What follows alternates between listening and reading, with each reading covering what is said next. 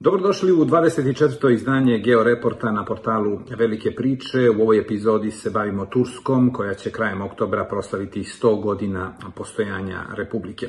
Ako zagrabimo u tursku istoriju, vidjet ćemo da su oni bili mnogo pre Srba nebeski ili izabrani narod, kao i da su došli na ideju o turskom svetu značajno ranije e, nego Rusi o ruskom svetu ili Srbi o srpskom svetu. U prethodnim vekovima Mi smo često imitirali Turske i Tursku, ponekad toga nismo ni bili svesni, a nažalost nismo kopirali najvažniju rečenicu, ili ako hoćete maksimu Kemal Ataturka, Turčin je onaj koji govori turski, koji živi u Turskoj i želi da bude Turčin. Srpski nacionalisti i Srpska pravoslavna crkva su ubacili religiozni element i srpski inkluzivni nacionalizam koji je uslovno rečeno bio na snazi do kraja Prvog svetskog rata su pretvorili u ekskluzivni i pomalo frustrirani nacionalizam, ali to je za neku drugu priču, sada je vreme za Tursku. Da li su Turci izabrani narod? Turci duboko veruju već više od hiljadu godina da su oni izabrani narod čiji je zadatak da vladaju svetom. Nije važno da li se radi o Gog Turkicima, odnosno nebeskim Turcima, Selđukidima, Osmanlijama, Ataturku ili Erdoganu. Suština je uvek ista. Poturčiti sve što je neophodno za ostvarenje cilja. Od kineske kulture, preko islama, Persije, vizantijskog nasleđa, pa sve do onoga što su dostignuća Zapada. To je bila vizija koja je Turke svih ovih vekova vodila od sibirske tundre do vrata Beča i to u dva navrata.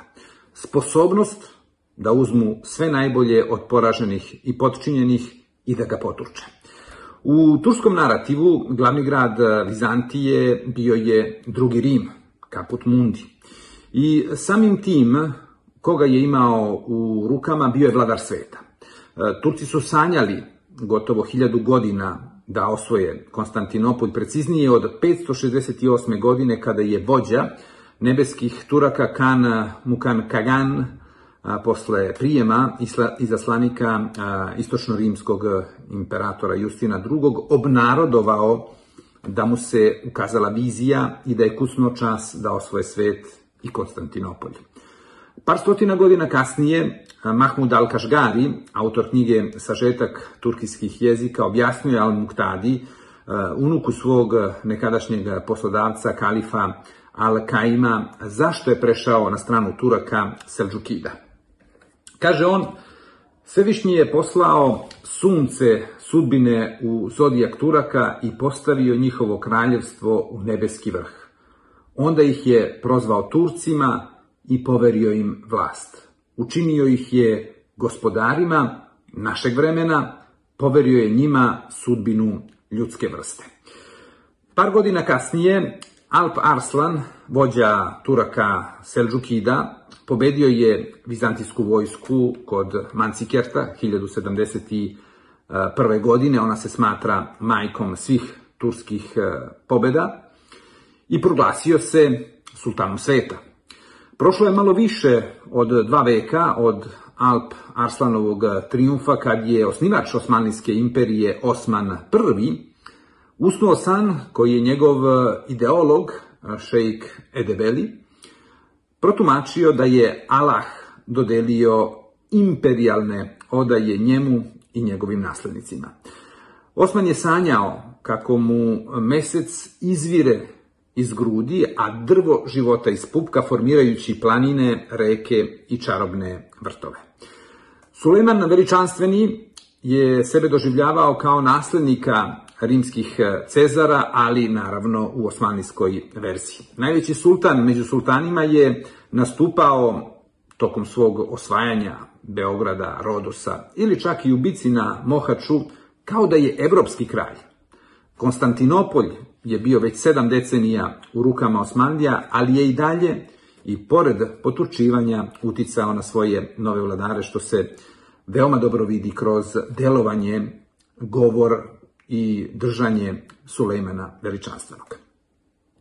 Turci i Islam. E, za razliku od drugih naroda koji su nasilno ili pod prinudom islamizovani, Turci su sami prihvatili islam jer su u njemu videli odličan instrument za ostvarivanje njihovih ciljeva.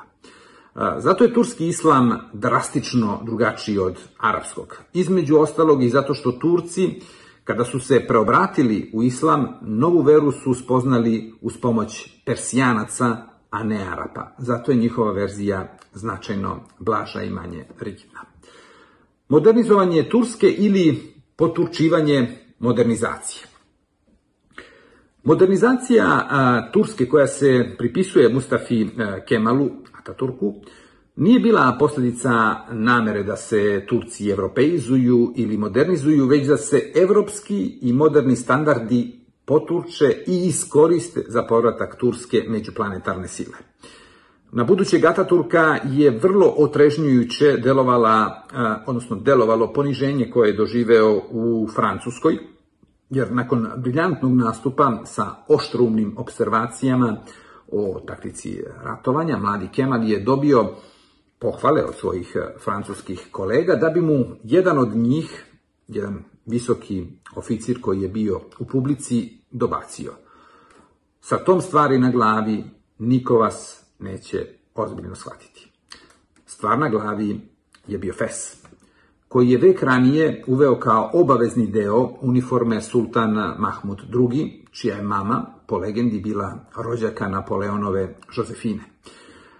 Legenda koju su gorivo dali Napoleon III i sultan Abdul Aziz tokom posete turskog vladara Parizu, izjaviši da su njihove babe Josefina i Ami Dibuk de Rivera bile rođake. Istina je da je mama Mahmuda II. bila dvorska dama, sestre njegovog oca Abdula Hamida I. Verovatno hrišćanskog porekla sa Kavkaza, ali poslužilo je tada i služi danas kao jedna od interesantnih i tako lepih anegdota da se prepriča kada je za to prilika ili kada se ona ukaže. U svakom slučaju, razlog zašto je Kemal Ataturk zabranio nošenje fesa je posljedica naučene lekcije u Francuskoj. Kao što je bio odlučan u usvajanju evropskih manira i standarda ponašanja, slično Petru Velikom dva veka ranije u Rusiji, otac moderne Turske je širio i patriotizam ili nacionalizam zavisno od gledanja. Paralelno sa modernizacijom Ataturk je jačao osjećanje superiornosti među Turcima, da su bolji, da su sposobniji, inteligentniji, vredniji od drugih. Sa ove vremenske distance postoje mm, nekoliko objašnjenja, ali i mnogo jasnije šta je Ataturk mislio kada je plemenskim vođama iz e, Anadolije govorio da glasaju e, za zakone koji su limitirali uticaj islama obećanjem da će se za par godina, odnosno za par decenija sve dovesti u red. Posle modernizacije Turske sledilo je poturčivanje modernizacije po istom receptu kako je e, poturčena kineska kultura, islamski, persijski i vizantijski uticaj na Turke. Ataturk je shvatio da je jedini način da Turci preokrenu osmanlijsku katastrofu u tursku pobedu i izbegnu na taj način zapadnu dominaciju, taj da postanu deo tog zapadnog sveta, a onda da ga oblikuju po svojim mašinima i potrebama. Po onoj iscrtanih filmova sa Duškom Dugouškom, ako ne možete da ih pobedite, vi im se pridružite. Upravo je to u kratkim rečima bila politika Ataturka. On nije dakle westernizovao Tursku da bi od nje napravio još jednu evropsku državu, već da bi joj omogućio da preživi i u pogodnom momentu ponovo postane ono što velika većina Turaka intimno veruje. Predodređeni narod da vlada svetom. Ataturkizacija Erdogana. E, turski predsjednik e, Erdogan je prešao put od neosmanlije do čvrste reči da će e, sve svoje snage usred srediti da realizuje ideje Kemala Mustafe, a to je da na peperu 16 propalih turskih imperija izgradi večnu Republiku Tursku ili još bolje da postavi temelje za sjedinjene turske države. Tako počinje turski vek, ili kako ga u Ankari nazivaju Erdoganov vek u kojem bi Turska ponovo postala planetarna sila zajedno sa Sjedinim američkim državama, Kinom i Rusijom. U prvih deset godina vladavine Erdogan je radio predano na razgrađivanju površinskog sloja Ataturkovog nasleđa, da bi u drugih deset godina krenuo u dovršetak posla koji je Ataturk ostavio svojim naslednicima. Poturčivanje savremenog doba, o čemu smo pričali e, malo ranije. Upečatljiva su dva Erdoganova stava o Ataturku. E, prvi, izrečen e, previše od 10 godina da je Ataturk bio obična pijanica. U tom periodu Erdogan je opijen kad već govorimo o pijanstvima, neosmanlijskim iluzijama i njegov uzor je bio e, sultan Abdul Hamid II, odnosno crveni sultan, poznat po svojim e, zločinima i po krvoprolićima koje je prouzrokovao. Turski predsjednik je dugo vremena, kao njegov prijatelj, ruski predsjednik Vladimir Putin, smatrao sebe direktnim naslednikom imperijalne prošlosti svoje zemlje.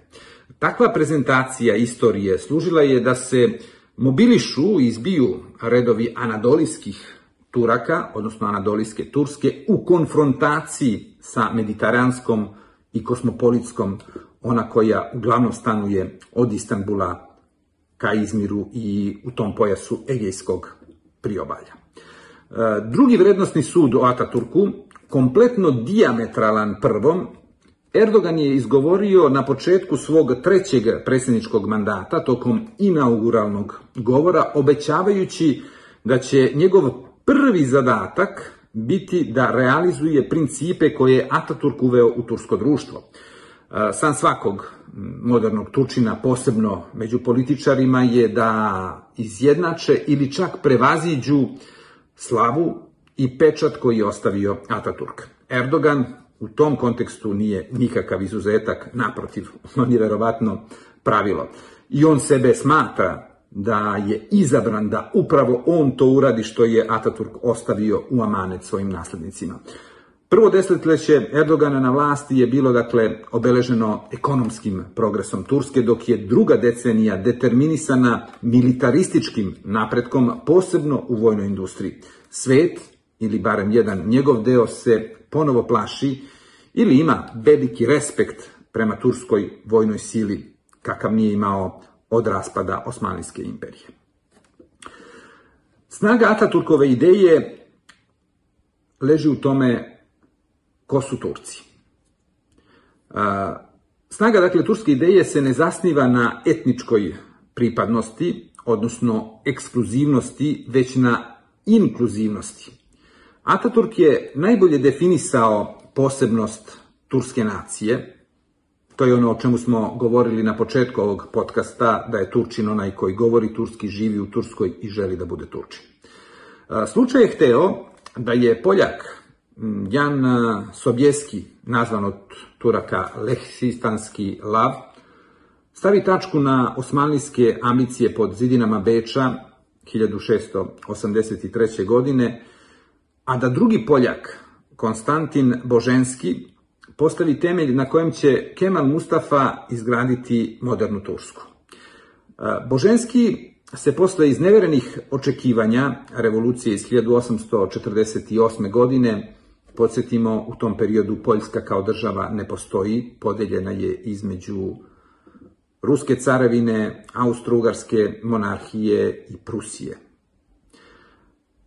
Dakle, naš junak Boženski se preobratio u islam i postao je Mustafa Čelaledin. E, on je objavio knjigu o istoriji Turaka 1870. godine koja će inspirisati mlado Turke i posebno Kemala Mustafu. Drugi kuriozitet je da je e, Boženski, alias Čelaledin, oženio čerku Srbina preobraćenog u islam Omera Paše Latasa, alias Mihajla Latasa. Čela Ledin je pradeda Omer Paša Latas Čukundeda, jednog od najvećih turskih pesnika 20. veka, nazima Hikmeta. Ova mala digresija služi kao primer da pokaže gde leži snaga Turske i Turaka. Svako ko želi da bude Turčin, je Turčin. Sam Kemal Mustafa je imao bugarske, makedonske, albanske, jevrejske korene. Recep Tayyip Erdogan, ako bi brojili krvna zrnca, kao što se to često radi u Srbiji, da li je neko Srbin ili nije, etnički naravno i pravoslavni, jer kako reče patrijarh Porfirije da se ne može biti Srbin ako niste pravoslavci, e, Erdogan je, dakle, po tim maršinima manje Turčin nego što su primjera radi ruski ministar odbrane Sergej Šojgu ili iranski ajatolah Ali Hamnej. Erdogan je gruzijskog porekla, neki njegovi biografi tvrde da u njegovom porodičnom stablu ima i pripadnika drugih etničkih grupa i veroispovesti koje se često doživljavaju kao neprijatelji Turske. Turske ambicije 100 godina od osnivanja Republike. 100 godina od e, nastanka Republike nasledice, dakle, izdahnulog Osmanijskog carstva, Turska je ponovo sila. Možda ne baš četvrta, pored Sjednjih američkih država, Kine i Rusije, kako bi Turci i njihov predsjednik Erdogan voleli da ih drugi vide, ali svakako je jedna od redkih e, sila regionalnih sa geostrateškom dubinom na tri kontinenta, Azija, Evropa i Afrika. Ona je istovremeno i članica Severnoatlantske alijanse, saveznica Vašingtona sui generis sa turskim svetom i plavom otačbinom. Na poslednjem Tehnofestu u Istanbulu je predstavljen novi dragulj turske avijacije i turske vojne industrije nazvan Crvena jabuka. Ime novog turskog drona nije slučajno. Crvena jabuka je bila sinonim za Konstantinopulj, budući da je iznad mastodonske statue Justinijana ispred Svete Sofije stajao šar koji je u očima novih gospodara ličio na jabuku. Moglo bi se reći da su dronovi koji su obezbedili pobede u Libiji, Siriji, Azerbejdžanu, od kojih se najviše e, plaše ruske trupe u Ukrajini i koji su najtraženiji vojni artikal na planeti postali simbol onoga što Erdoganova propagandna mašinerija postavlja kao početak novog turskog veka. Turski predsednik je shvatio da je bolje biti Ataturk, otac svih Turaka, jeli, nego sultan. To jest, bolje je jačati e, državu i njen uticaj nego stvarati imperiju baziranu na religiji. E, države su postojanije, kompaktnije, lakše se brane i manje su izložene rizicima od imperija. Kritike Ataturka na račun Osmanlijske imperije i njene prošlosti nisu bile samo ideološke, već i strateške, u smislu da su države dugovečnije od imperija i da jednostavno njima je mnogo lakše upravljati i vladati, a preko njih i na taj način dominirati i svetom. Turski svet je stariji od ruskog i od srpskog sveta. E, interesantno je da je 20 godina pre nego što je Kremlj lansirao priču o ruskom svetu i dve i po decenije pre nego što smo mi u Beogradu dobili ljude koji su želeli ili pokušavaju da oponašaju Rusiju sa srpskim svetom, turski đaci su počeli da u učbenicima gledaju kartu turskog sveta. Od Jedrena do istočnog Turkmenistana, što je turski naziv za kinesku pokrajinu Xinjiang ili Xinjiang. Ta karta je obogaćena i tradicionalnim turkofilskim državama, ali i dijasporom počevo od one najbrojnije u Nemačkoj. Rečju gotovo da nema zemlje u trouglu između La Manša, Bab el Mandeba i Beringovog Moreuza koja na ovaj ili onaj način ne pripada turskom svetu. Pre 30 godina, dakle čitavu deceniju pre nego što se Erdogan dokopao vlasti, u Ankari su doneli zakon koji nalaže da na svakom učbeniku mora da stoji mapa turskog sveta. Uz pojašnjenje da su Turci osnovali 80 država od Japanskog mora do Atlantskog okeana i od Sibira pa sve do Etiopije. 2009. godine Erdogan je dao svoj doprinos formiranjem organizacije turskih država u kojoj se nalaze pored Turske Kazahstan, Kirgistan, Azerbejdžan, Uzbekistan, dok su Mađarska, Turkmenistan i takozvani Severni Kipar posmatrači. Zašto su u Ankari prešli sa neosmanlijske na pantursku ideju? U Ankari ne žele da obnove Osmanlijsku imperiju, već da kreiraju Sjedinjene turske države, o čemu smo već nešto rekli, koje bi naravno gravitirale oko Turske. E, širenje panturskog sentimenta, stvaranje novog nadnacionalizma koji ne bi bio limitiran samo na Tursku, nego na čitav turski svet, od Ujgura u Kini i turskijskih naroda u Ruskoj federaciji, sve do Bošnjaka u Bosni i Hercegovini i na Zapadnom Balkanu, kao i turske dijaspore u Nemačkoj i Francuskoj. E, ideja da se u orbitu Sjedinjenih turskih država uključe pre svega centro Azijske republike je geostrateška. E, ne na silu ili pod pretnjom sile, već privučeni snagom i perspektivom koja nudi i koja je ponuđena od Ankare. Primer e, Azerbejdžana je u tom kontekstu veoma poučan i možemo da kažemo vrlo indikativan.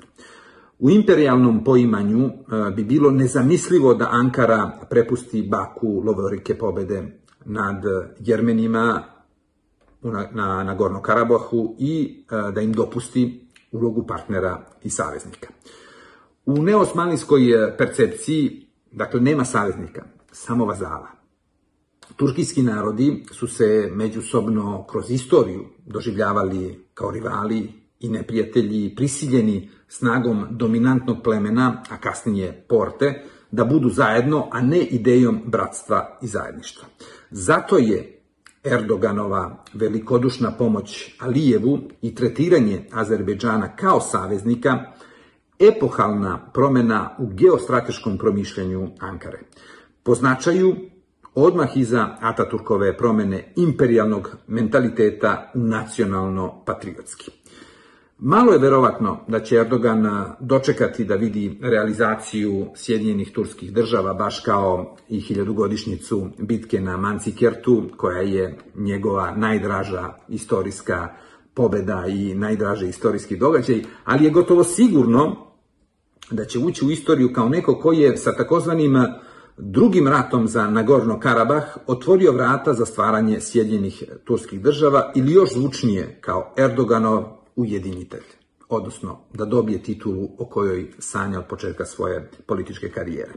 Predsednik Turske je na azerbejdžanskom primeru pokazao da je moguće povećati snagu Turske u vojnom, ekonomskom, energetskom, demografskom kontekstu, a da to ne podrazumeva teritorijalno proširenje na račun drugih turkijskih naroda i na taj način je poslao veoma jasnu poruku svim centralnoazijskim republikama sa turkijskim stanovništvom. Da li je Turska revizionistička sila? U kriznim vremenima velike sile su ili revizionističke ili su predmet revizionističkih ambicija glavnih konkurenata. Ne postoji srednja opcija. Turska je je u tom smislu apsolutno revizionistička stila što se ogleda i kroz njene akcije u Azerbejdžanu, osvajanje dobrog dela Nagorno Karabaha, u Siriji, gde kontroliše sever zemlje, u Libiji, Tripoli je bukvalno vazalna država Turske, ali i kroz pretnje Kipru i Grčkoj da će iznenada, kako je to rekao Erdogan doći preko noći ili stavljanje pod svoju sferu uticaja nekadašnjih balkanskih vilajeta. U Albaniji su stavili pod svoje vojsku islamsku zajednicu, kao i u nekim drugim zapadno-balkanskim državama gde kontrolišu taj islamski deo društva i takođe imamo penetraciju u centralnoj Aziji oživljavanjem ideje o Gran Turanu. Zašto američko-turski brak iz interesa odoleva svim iskušenjima? Na ruku Turske u ostvarivanju njenih e, nacionalnih interesa ide činjenica da su oni u dobroj meri kompatibilni sa američkim. Budući da su u Vašingtonu odavno postali svesni da ne mogu sami da upravljaju svetom, krenuli su u potragu za saveznicima koji mogu da im pomognu, odnosno da budu korisni u ostvarivanju tog cilja. Zato su potrebne tri karakteristike, odnosno te zemlje moraju da imaju tri karakteristike. Pouzdanost, efikasnost i spremnost da deluju u svoje ime, a za račun hegemona, odnosno Sjedinjenih američkih država. Turci od pomenute tre osobine imaju dve i po. E, ne može se reći da su 100% pouzdani, ali su kroz vreme Amerikanci i Turci naučili da čitaju jedni druge. E, kora od banane u odnosima između Turske i Sjednjih američkih država bi mogao da bude Kipar. Afroditino ostrvo je ključno za realizaciju ambicioznog geostrateškog plana Ankare, plava otačbina, zajedno sa zauzimanjem i demilitarizacijom grčkih ostrva u istočnom Egejskom moru, koje posledično vodi ka totalnoj kontroli istočnog Mediteranskog mora, odnosno Suetskog kanala, plus Moreuza Bab el Mandeba koji Ankara već de facto kontroliše, imajući u vidu njenu poziciju vrlo ukorenjenu u Somaliji. Turci su dakle prirodni saveznici Amerike u centralnoj Aziji, gde se suprostavlja hegemonskim težnjama Rusije i Kine, na Bliskom istoku i Srednjem istoku su brana iranskoj ekspanziji i iranskoj pretnji za američke interese i posjetimo Iran je samo još jedna zemlja koja je zajednički rival kako Ankare, tako i Vašingtona, a takođe i u Africi Turci imaju veoma važnu ulogu da održavaju ravnotežu u odnosima sa Turskom i Kinom, odnosno da bude neko ko će stišavati i smanjivati ambicije Pekinga i Moskve. Osim na Zapadnom Balkanu, turski i američki interesi idu ruku pod ruku u svim geopolitičkim gorućim teatrima i to je veoma važan detalj da bi se shvatio odnos i natura, odnosno priroda odnosa između Vašingtona i Ankare. Zašto je važna plava otačbina? Turski stratezi su identifikovali slabost Ankare u njenoj tradicionalnoj orijentisanosti na kopno i kopnene vojne snage. Razlog pada turskih carstava je u dobroj meri bio uslovljen odsustvom ili veoma slabim pomorskim snagama. Turci, kao nomadski narod sa stepom i tajgom u kolektivnoj svesti je zazirao od vode, mora i okeana. Zato je izabran izraz plava otačbina, između ostalog da bi se Turcima pokazalo da i voda, a ne samo zemlja, mogu da budu otačbina. Bez jake mornarice i kontrole Mediterana i glavnih moreuza, Sjedinjene turske države su predodređene da završe pre ili kasnije kao prethodnih 16 turskih carstava. Interesantna je koincidencija da je završna epizoda dugog raspadanja Osmanlijske imperije počela u Libiji sa italijanskim zauzimanjem Tripolitanije i Kirenajke 1911. godine, zahvaljujući upravo nadmoćnosti italijanske mornarice na Turskom, baš kao što je i novi status Turske potvrđen međunarodnim priznavanjem njene dominacije nad Tripolijem u poslednjih nekoliko godina. Osim što kontroliše Libiju, Ankara je veoma uticajna i u Tunisu, što praktično znači da nadgleda dva najveća možemo da kažemo, prolaza ilegalnih migranata ka Evropi. Prvi, kopneni preko svojih teritorija, takozvana balkanska maršruta, i drugu, južnu, preko sicilijanskog prolaza. Od opsade Beča 1683. godine Evropa nije toliko strahovala i zavisila od Turaka i njihovih poteza. Kad smo već spomenuli Libiju, značaj Libije i Balkana za noviju tursku istoriju. Sudbine Libije i Balkana se ponovo prepliću. Pre više od jednog veka Osmanlijska imperija je zadobila, kao što smo rekli, smrtonosni udarac od kraljevine Italije koja je osvojila Tripolitaniju, poslednju afričku koloniju Porte. Italijanski uspeh na bojnom polju je ohrabrio balkanske narode, osim albanskog koji je jedino ostao veran Porti. Balkanski narodi, dakle, posle italijanske pobede su bili ohrabreni da izbace Turke sa Balkana i da ih proteraju preko Marice ili još bolje i preko Bosfora posle pet vekova. Danas je Turska de facto, kao što smo rekli, ponovo gospodar u Tripoliju i od balkanskih ratova nije imala tako snažan uticaj na prostoru našeg poluostrava. Moglo bi se čak reći da Turci markiraju prostor koji im je dodeljen Karlovačkim mirom iz 1699. godine koji je stavio tačku na osmanlijsko širenje na starom kontinentu.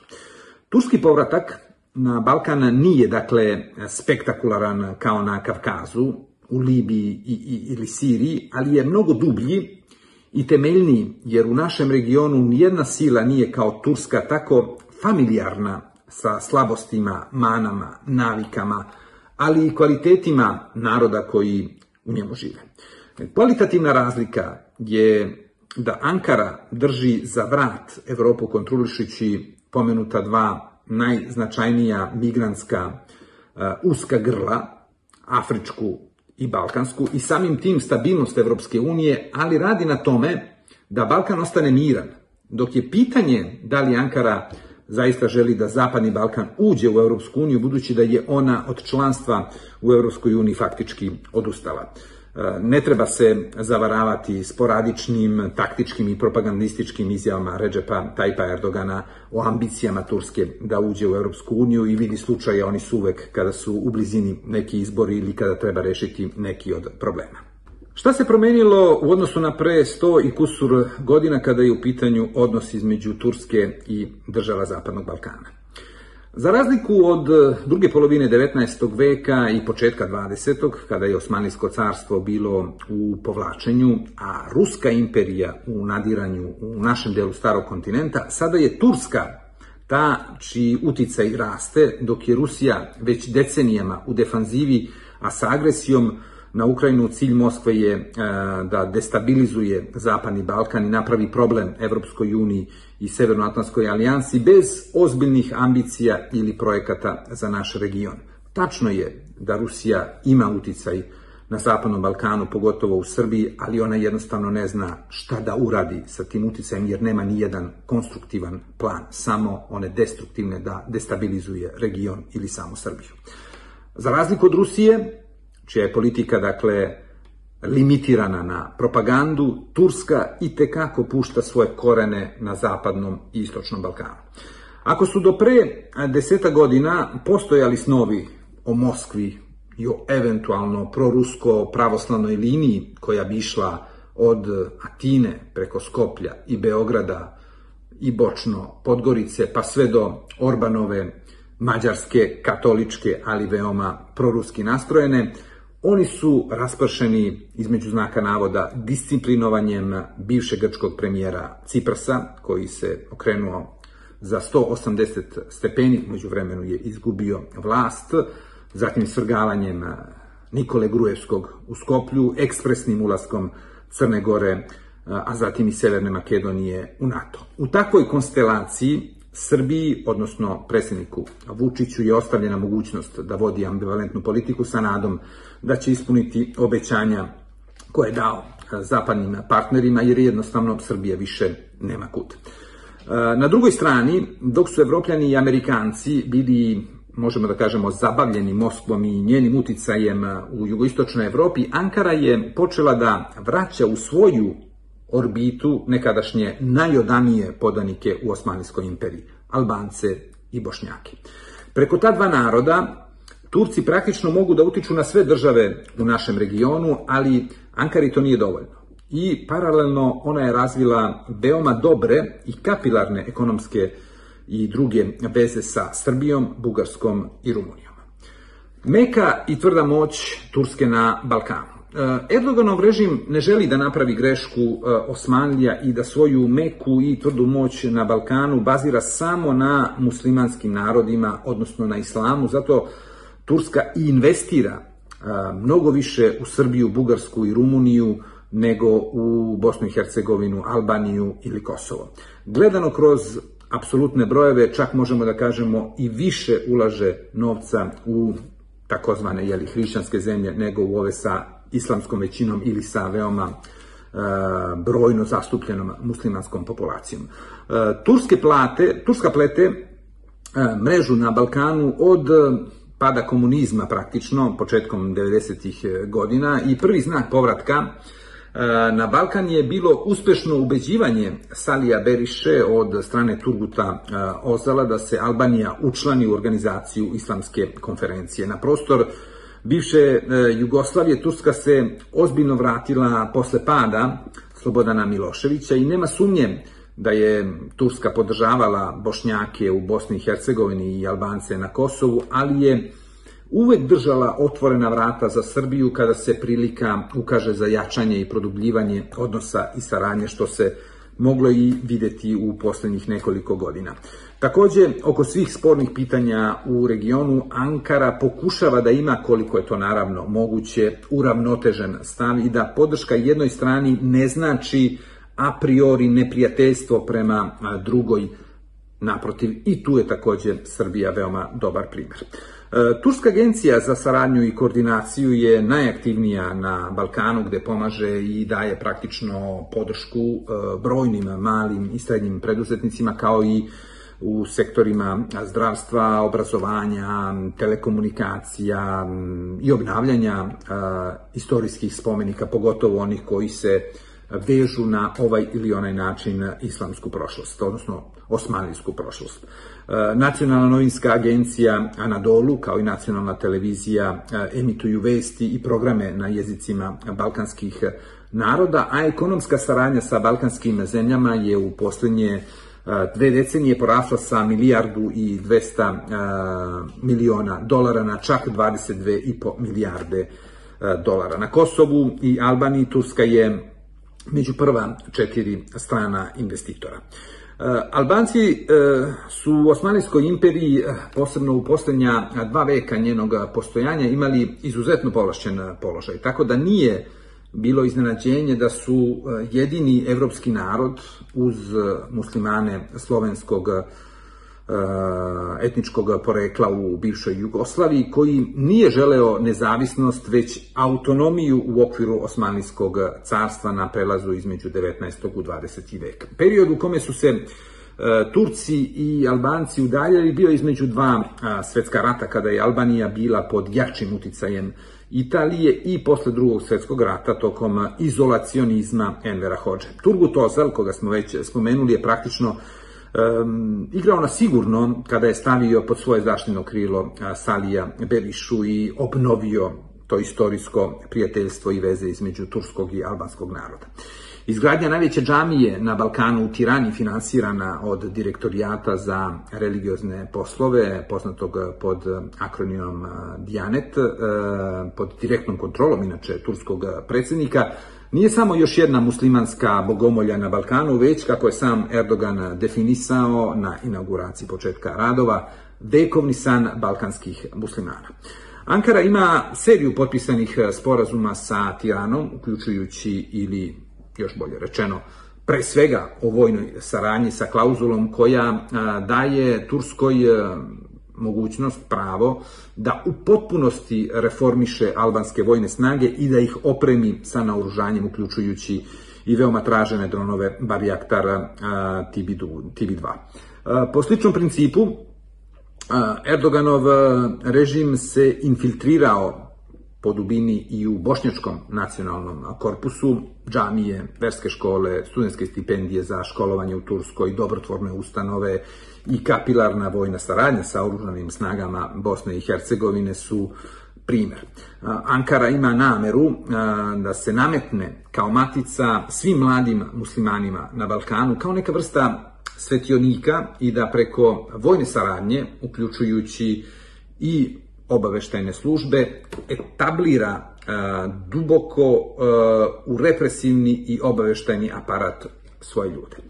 Na taj način Turci su poslali jasan signal svojim partnerima u NATO-u da je Balkan deo njihove interesne zone.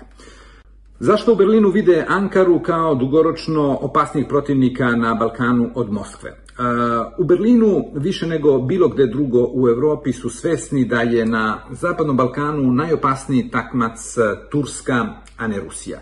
Pored Nemaca i Italijani zaziru od nadiranja Turske, tim pre što posle više od jednog veka a, Turci de facto podsjetimo, vlada u Tripoliju je marioneta u rukama Ankare, ponovo imaju granicu sa Italijom u sicilijanskom prolazu i ozbiljno dovode u pitanje interese Italije na Mediteranu.